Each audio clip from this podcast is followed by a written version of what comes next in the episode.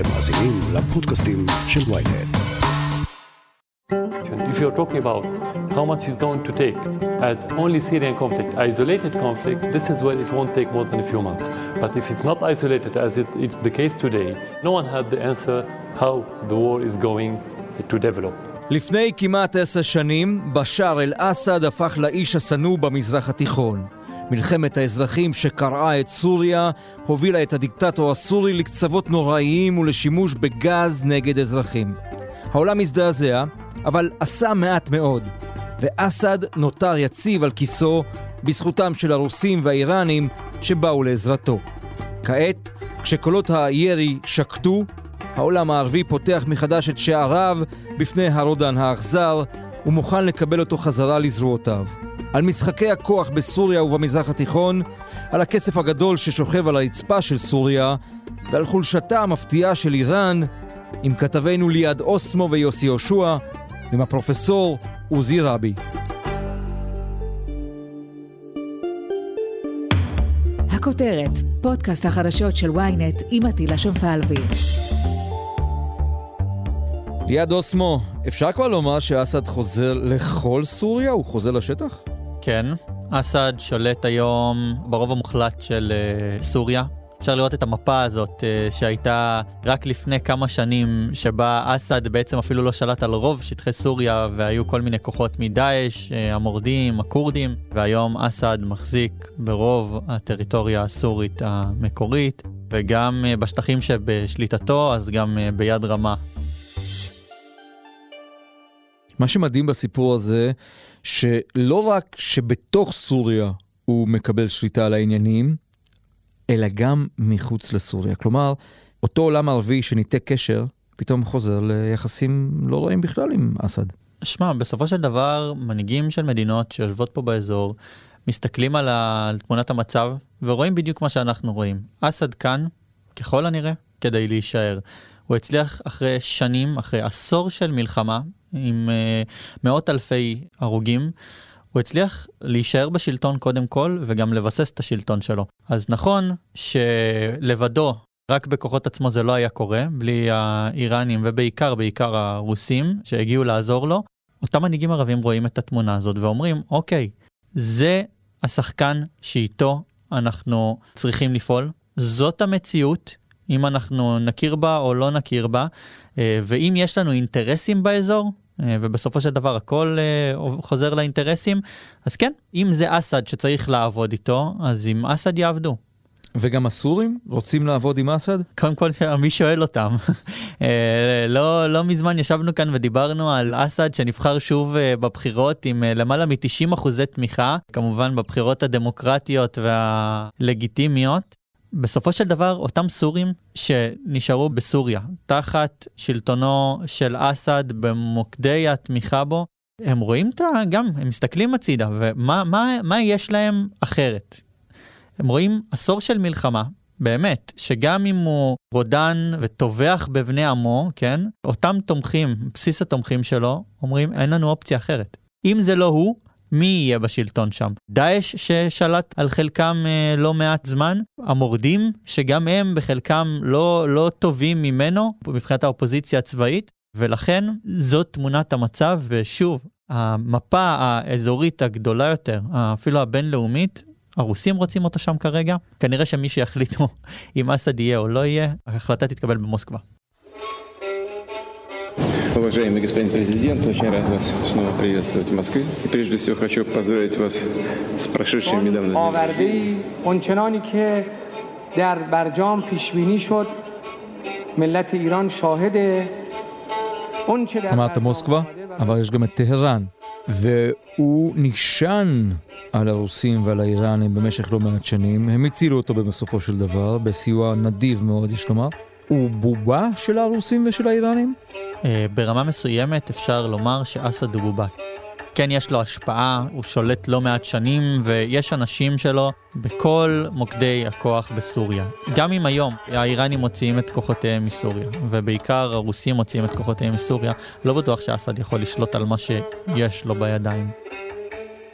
ולכן אפשר לומר שברמה מסוימת, כן, זו בובה, פחות של האיראנים כי האיראנים עם אינטרסים שונים, בעיקר צבאיים, לשמור על הציר של טהרן ביירות, לשמור על תמיד אה, אה, איזשהו איום מסוים על ישראל מאזור הגבול, אה, בעיקר בדרום סוריה, מרחב קונטרה, והרוסים שם כי הם מסתכלים על הסיפור ברמה, קודם כל הגיאופוליטית, המקומית, המזרח תיכונית, וגם ברמה העולמית, כל עוד הם, טוב להם ונוח להם שאסד שם, הוא יישאר שם. היו דיווחים בעבר על כך שיש אה, מחלוקות בין אסד לרוסים, אבל בסוף הוא עדיין כאן.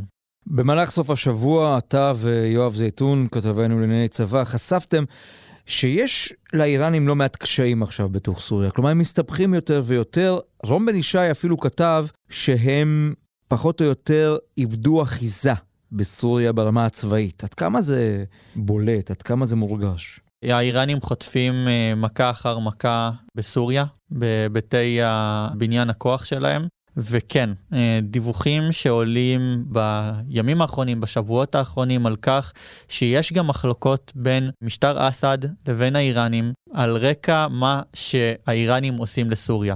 אסד, אם נחזור, ניכנס רגע לראש שלו, הוא רוצה הישרדות. זה מה שמעניין אותו, הוא רוצה להישאר בשלטון. מבחינתו, אם האיראנים מסכנים את השלטון שלו, הוא ישאף לנסות לדחוק אותם החוצה.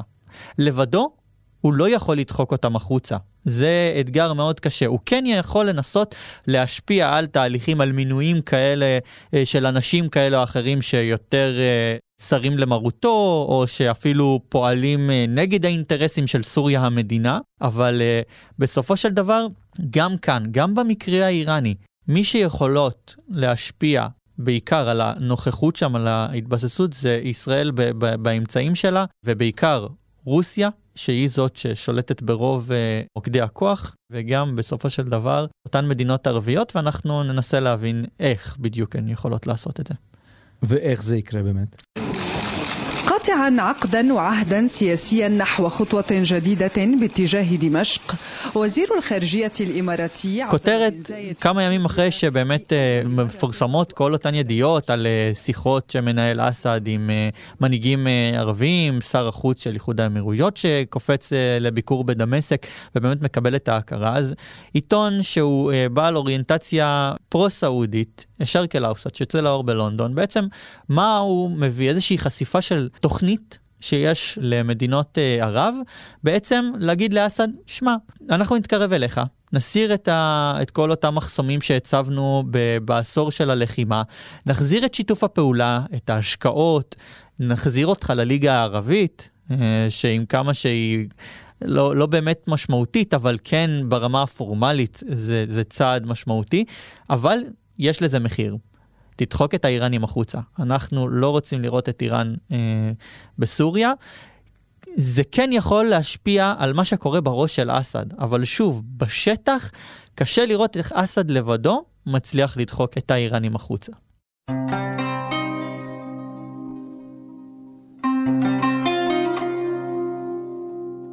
הפרופסור עוזי רבי, האם אה, אסד יצא מאזור הסכנה? האם כולם רוצים בקרבתו בימים אלה? שמע, זה באמת סיפור מעניין. אני חושב שאסד בפעם השנייה פה נהנה מן ההפקר, הייתי קורא לזה.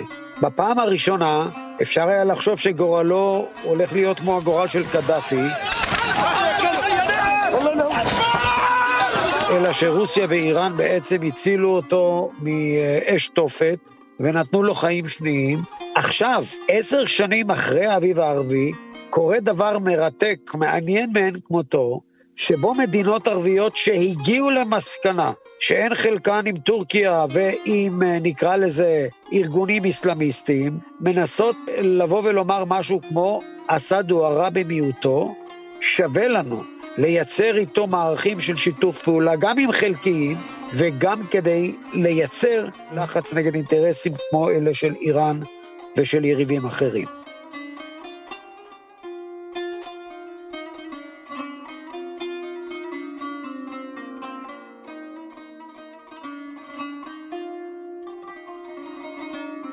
השאלה אם נראה את אסד יושב סביב השולחן של המדינות הערביות, של המנהיגים הערביים, כאחד האדם, נקרא לזה כך, ולא כאחד הרוצחים. מה שקורה כאן עכשיו אה, מכשיר את הקרקע לפגישה כזו בעתיד. אין ספק שמבחינתו של בשאר זה הדבר הכי הכי חשוב, זו רהביליטציה, זה שיקום של המעמד שלו, ואין ספק שאם זה יקרה במדינות ערביות, זה יוציא גם את הרוח מהמפרשים האחרונים של האופוזיציה שלו מבית ואולי גם מחוץ. אבל צריך לזכור, זה לא אומר שבשאר אל-אסד עורק לצד השני והופך להיות בעצם שחקן אנטי-איראני. זה ודאי שלא. הוא פשוט יקבל פה הזדמנות לשחק או לפסוח על שני סעיפים. לפעמים כשיש לו בעצם עימותים, ושמענו על זה בשבוע האחרון, עם מפקדים איראנים שמנסים להפוך את סוריה למחוז שיעי ברשותם, הוא יוכל בעצם איכשהו, אתה יודע, לבוא איתם ולדבר בהם סרה, לפחות באופן חלקי, ואנחנו לא רואים פה תמונות שלמות, צריך לקחת את זה בחשבון. אנחנו לא מנסים לבוא ולומר שיש כאן הטיה מצד לצד באופן מובהק, יש כאן משחק פתוח. עם קלפים חדשים, והקטע הזה של אסד ומדינות ערביות מרתק משום שהוא מלמד אותנו שעבור רוב המדינות הערביות במזרח התיכון, העניין של להיות חפץ חיים זה הדבר החשוב, זה גם המקום שבו ישראל יכולה לעשות הרבה בעבור עצמה. ובינתיים, הרבה מאוד כסף שוכב על הרצפה בסוריה, כי הרי את המדינה הזאת צריך לשקם. וזה העניין של הרוסים, ולכן הרוסים מנסים לרבע מעגל, כי להם ברור ששיקומה של סוריה גם ישפר מן הסתם את אה, מצבה, ולכן אה, אנחנו כאן במשחק מסוג אחר, שהרוסים מנעים אותו באופן חלקי, הם מנסים להביא שחקנים בתוך סוריה ומחוצה לה להסכמות בנושא הזה, ולא מן הנמנע שכל מה שאנחנו רואים עם מדינות ערב הוא לא אחר מאשר תרגיל רוסי, שבא בסופו של דבר לקצץ את הכנפיים של איראן במידה מסוימת, אולי גם של טורקיה בצפון מזרח סוריה, כמו כדי לומר, יש פה עוד שושבינים, אנחנו רוצים לסגור את סוריה למקום טוב יותר, אנא תנו לזה כיוון, יכול להיות שגם את זה צריך לקחת בחשבון.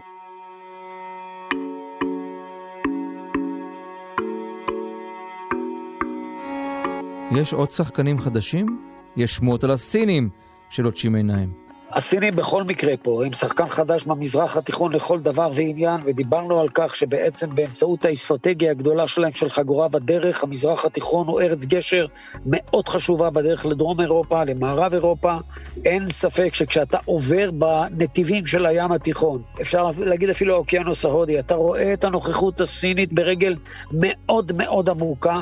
יש גם כמובן הרבה מאוד אפקטים יבשתיים לעניין הזה. אני כן חושב שכשמדובר באינטרסים מהסוג הזה, במיוחד כשעולה בעצם המילה שיקום וכלכלה, אני חושב שלסין יש מה לומר כאן, מעצם הבעלות שלה על נכסים לוגיסטיים ברמה הכלכלית, ומעצם הרצון שלה להיות שותפה למיזמים מהסוג הזה, כי כאן לא צריך לנקוט עמדה, כאן צריך לעשות דבר לכאורה לטובת הכלל, אבל זה מעצים את המעמד הסיני במזרח התיכון. מיד נמשיך עם הכותרת, אבל לפני כן פרסומת קצרה. מיד חוזרים. היי, אני יובל מן, עורך ynet דיגיטל. בעולם הטכנולוגי של היום צריך שמישהו יעשה קצת סדר. הצטרפו אלינו לרפרש, פודקאסט הטכנולוגיה החדש של ynet. בכל פרק נדבר על מה שחדש ומעניין בעולם הדיגיטלי. רשתות חברתיות, סייבר, גאדג'טים, וההמצאות שהולכות לשנות לנו את החיים, ואולי גם את העתיד. חפשו אותנו ב ynet ובאפליקציית הפודקאסטים שלכם. We're also going to discuss uh, Israel's uh, uh, unwavering, unwavering commitment that we have in the United States. If a radical Islamic regime acquired a nuclear weapon, that, that marriage would be a nuclear nightmare for the entire world.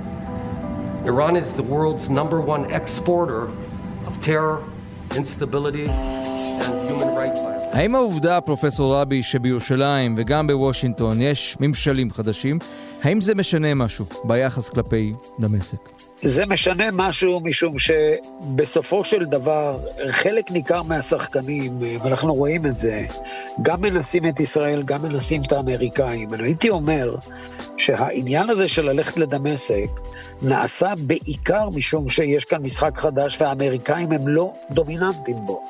הם עצמם, אם לעקוב אחר ההצהרות האחרונות שלהם, אמרו יותר מפעם אחת שהם את ידם לא נותנים לעובדה הזאת, כי עדיין זכור הסיפור של בשאר אל-אסד כרוצח המונים, כמי שטבח בבני עמו, וסנקציות אמריקאיות שהיו צריכות להיות וישנן באופן חלקי.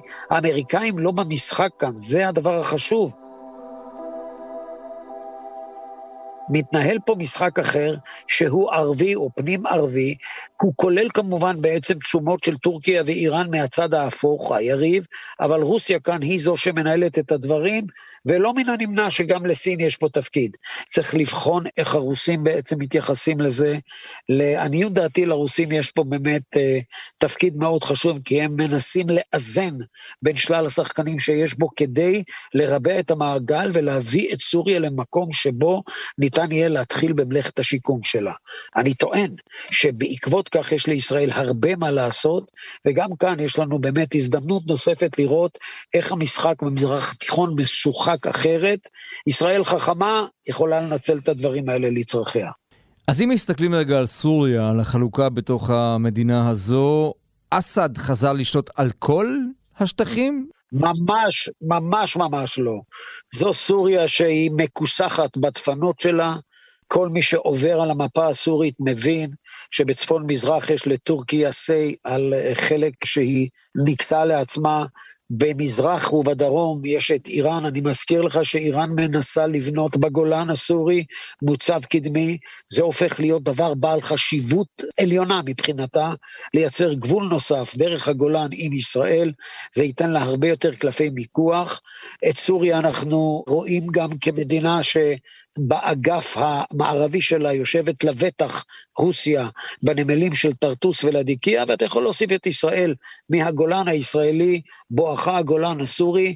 סוריה מוקפת במדינות לא ערביות, שכל אחת מהן נטלה לעצמה חלק או נתח השפעה, זה רק מעיד על העובדה עד כמה סוריה חלשה ממה שהיה לפני עשר שנים ויותר, וצריך לזכור גם אם בשאר פה. וגם אם הגבולות של סוריה פחות או יותר הם אותן גבולות, זו לא אותה סוריה. בשום פנים ואופן. המשחק הופך להיות משחק מולטיפולרי, ועצם השאלות שלך, עצם הדברים שהעלית כאן, הם הם ההוכחה לכך שיש הרבה מאוד מתאבנים לשחקנים מבית ומחוץ, לנסות ולבדוק את המים, זה בדיוק מה שאנחנו רואים לגבי סוריה של בשאר בימים אלה. הפרופסור עוזי רבי, המון תודה לך. תודה, תודה.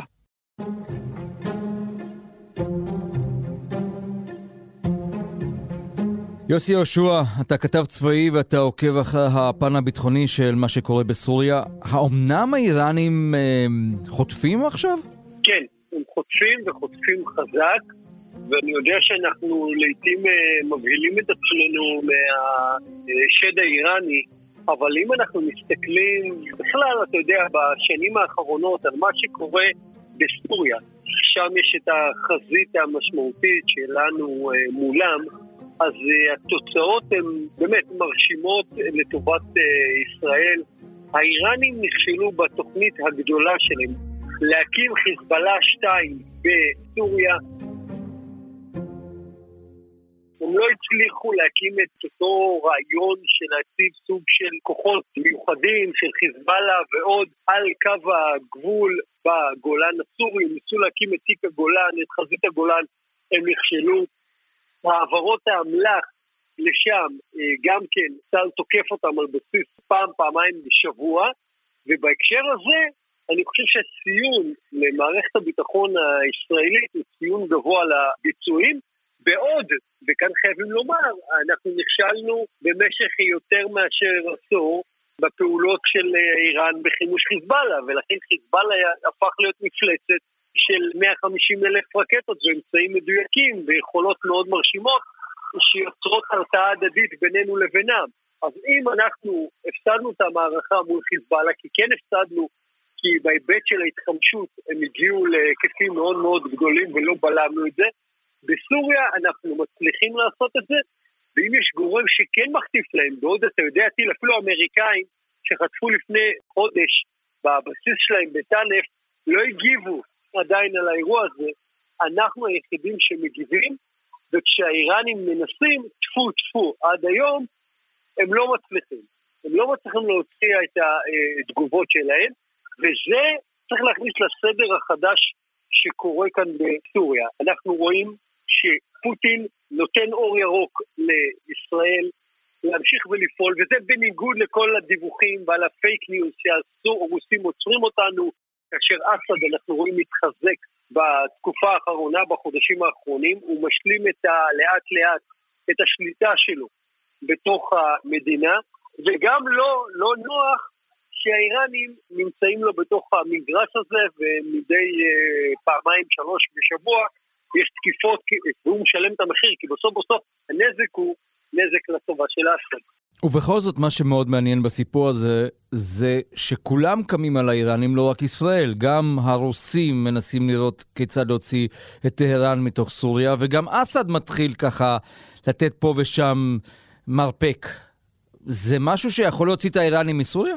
תראה, אני לא יודע כמה הם ימהרו גם הסורים להוציא אותם, אבל אה, אסד מנסה לשרטט איזשהו גבול בינו לבין האיראנים, הוא מרגיש יותר עצמאי, פחות תלוי בהם, וכשאנחנו רואים את האירועים האלה, אנחנו מבינים שמשהו גדול מתרחש כאן. עכשיו, מאוד יכול להיות שהרוסים גם דוחפים את אסד לבצע את זה, כי הרוסים מול האיראנים יש להם מאבק על השלב הבא בסוריה ומי ישלוט שם ומי ייהנה מאוצרות הטבע והמשאבים. ולרוסים יש אינטרס שאנחנו נמשיך לתקוף שם ולדחוק את האיראנים אה, מסוריה, וכדי שהם יהיו לצד אסד הגורם השליט שהם ייהנו ממה שהם יכולים שם, מהמשאבים של אה, סוריה ומהשליטה האזורית, ולכן הם מאפשרים את הפעילות ההתקפית של אה, צה"ל. יוסי יהושע, תודה רבה. תודה רבה.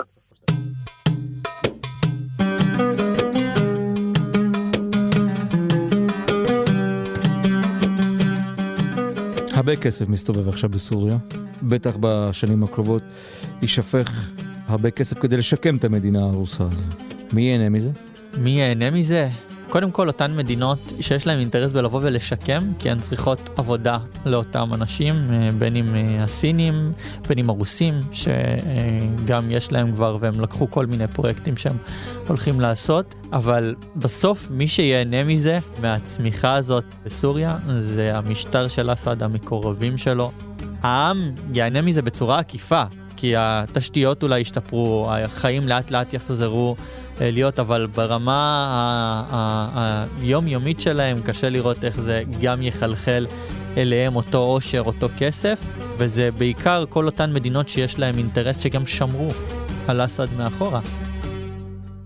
תזכור, בדיונים במועצת הביטחון, בכל העשור האחרון, מי שמנעו בעצם העברה של אה, גינויים או אפילו החלטות ביצועיות אה, לפעול נגד המשטר, זה היה, הייתה רוסיה קודם כל, אבל גם סין. בתיאום שלה עם רוסיה מאחורי הקלעים, גם בהיבט, בנושא האיראני, גם בנושא הסורי, תמיד עמדה שם, גם לה יש אינטרסים במזרח התיכון, אנחנו רואים אותה נכנסת יותר ויותר אה, למדינות באזור, המון פרויקטים במצרים, אה, של תשתיות, שיתוף פעולה עם אה, איחוד האמירויות, עם סעודיה, גם בסוריה יש הרס, לסינים יש כוח שאין לאף אחד אחר, אה, כוח אדם אה, ומיומן גם ויעיל. אז אסד כבר לא פרסונה נוגרטה במזרח התיכון. אה, כנראה שבמזרח התיכון שנת 2021 בואכה 2022 אסד חוזר למפה האזורית. כבר יש יותר הצהרות פומביות, שפעם אם היו נדירות עד מגונות, יותר ויותר שרי חוץ בעולם הערבי, מנהיגים בעולם הערבי, אומרים בואו נחזיר את סוריה אל הקהילה הערבית, לליגה הערבית. זה ייטיב עם העם הסורי. בסופו של דבר הם אומרים, אם נחבק את אסד, אולי זה דווקא יגרום לטוב יותר, לחיים טובים יותר עבור העם הסורי, ואנחנו, דברים שבאמת לא ראינו הצהרות, אמנם אצל חלק זה קורה לאט יותר, אצל חלק זה קורה מהר מאוד, אבל אה, אסד לאט לאט, אה, הרודן מדמשק, חוזר לאט לאט, מיצב את עצמו, ביסס את עצמו מבפנים, ועכשיו עבר לשלב השני שזה כלפי חוץ. Make סוריה great again. לגמרי. תחת אסד. לגמרי. ליד אוסמו, תודה. אין בעיה. עד כאן הכותרת להפעם. אתם מוזמנים לעקוב אחרינו ב ynet, ב Spotify או בכל אפליקציות הפודקאסטים באשר הן. תוכלו למצוא שם פרקים נוספים כמו הפרק "הפוקר האיראני" עם פרשננו רון בן ישי. דרגו אותנו ב Apple Podcast ושילחו את הפרק לחבר שעדיין לא שמע את הכותרת של היום. עורך הפודקאסטים שלנו הוא רון טוביה. גיא סלם סייע בעריכה. על הסאונד, ניסו עזרן. אני עטילה שומפלבי, ומחר סיון חילאי תהיה כאן עם פרק נוסף.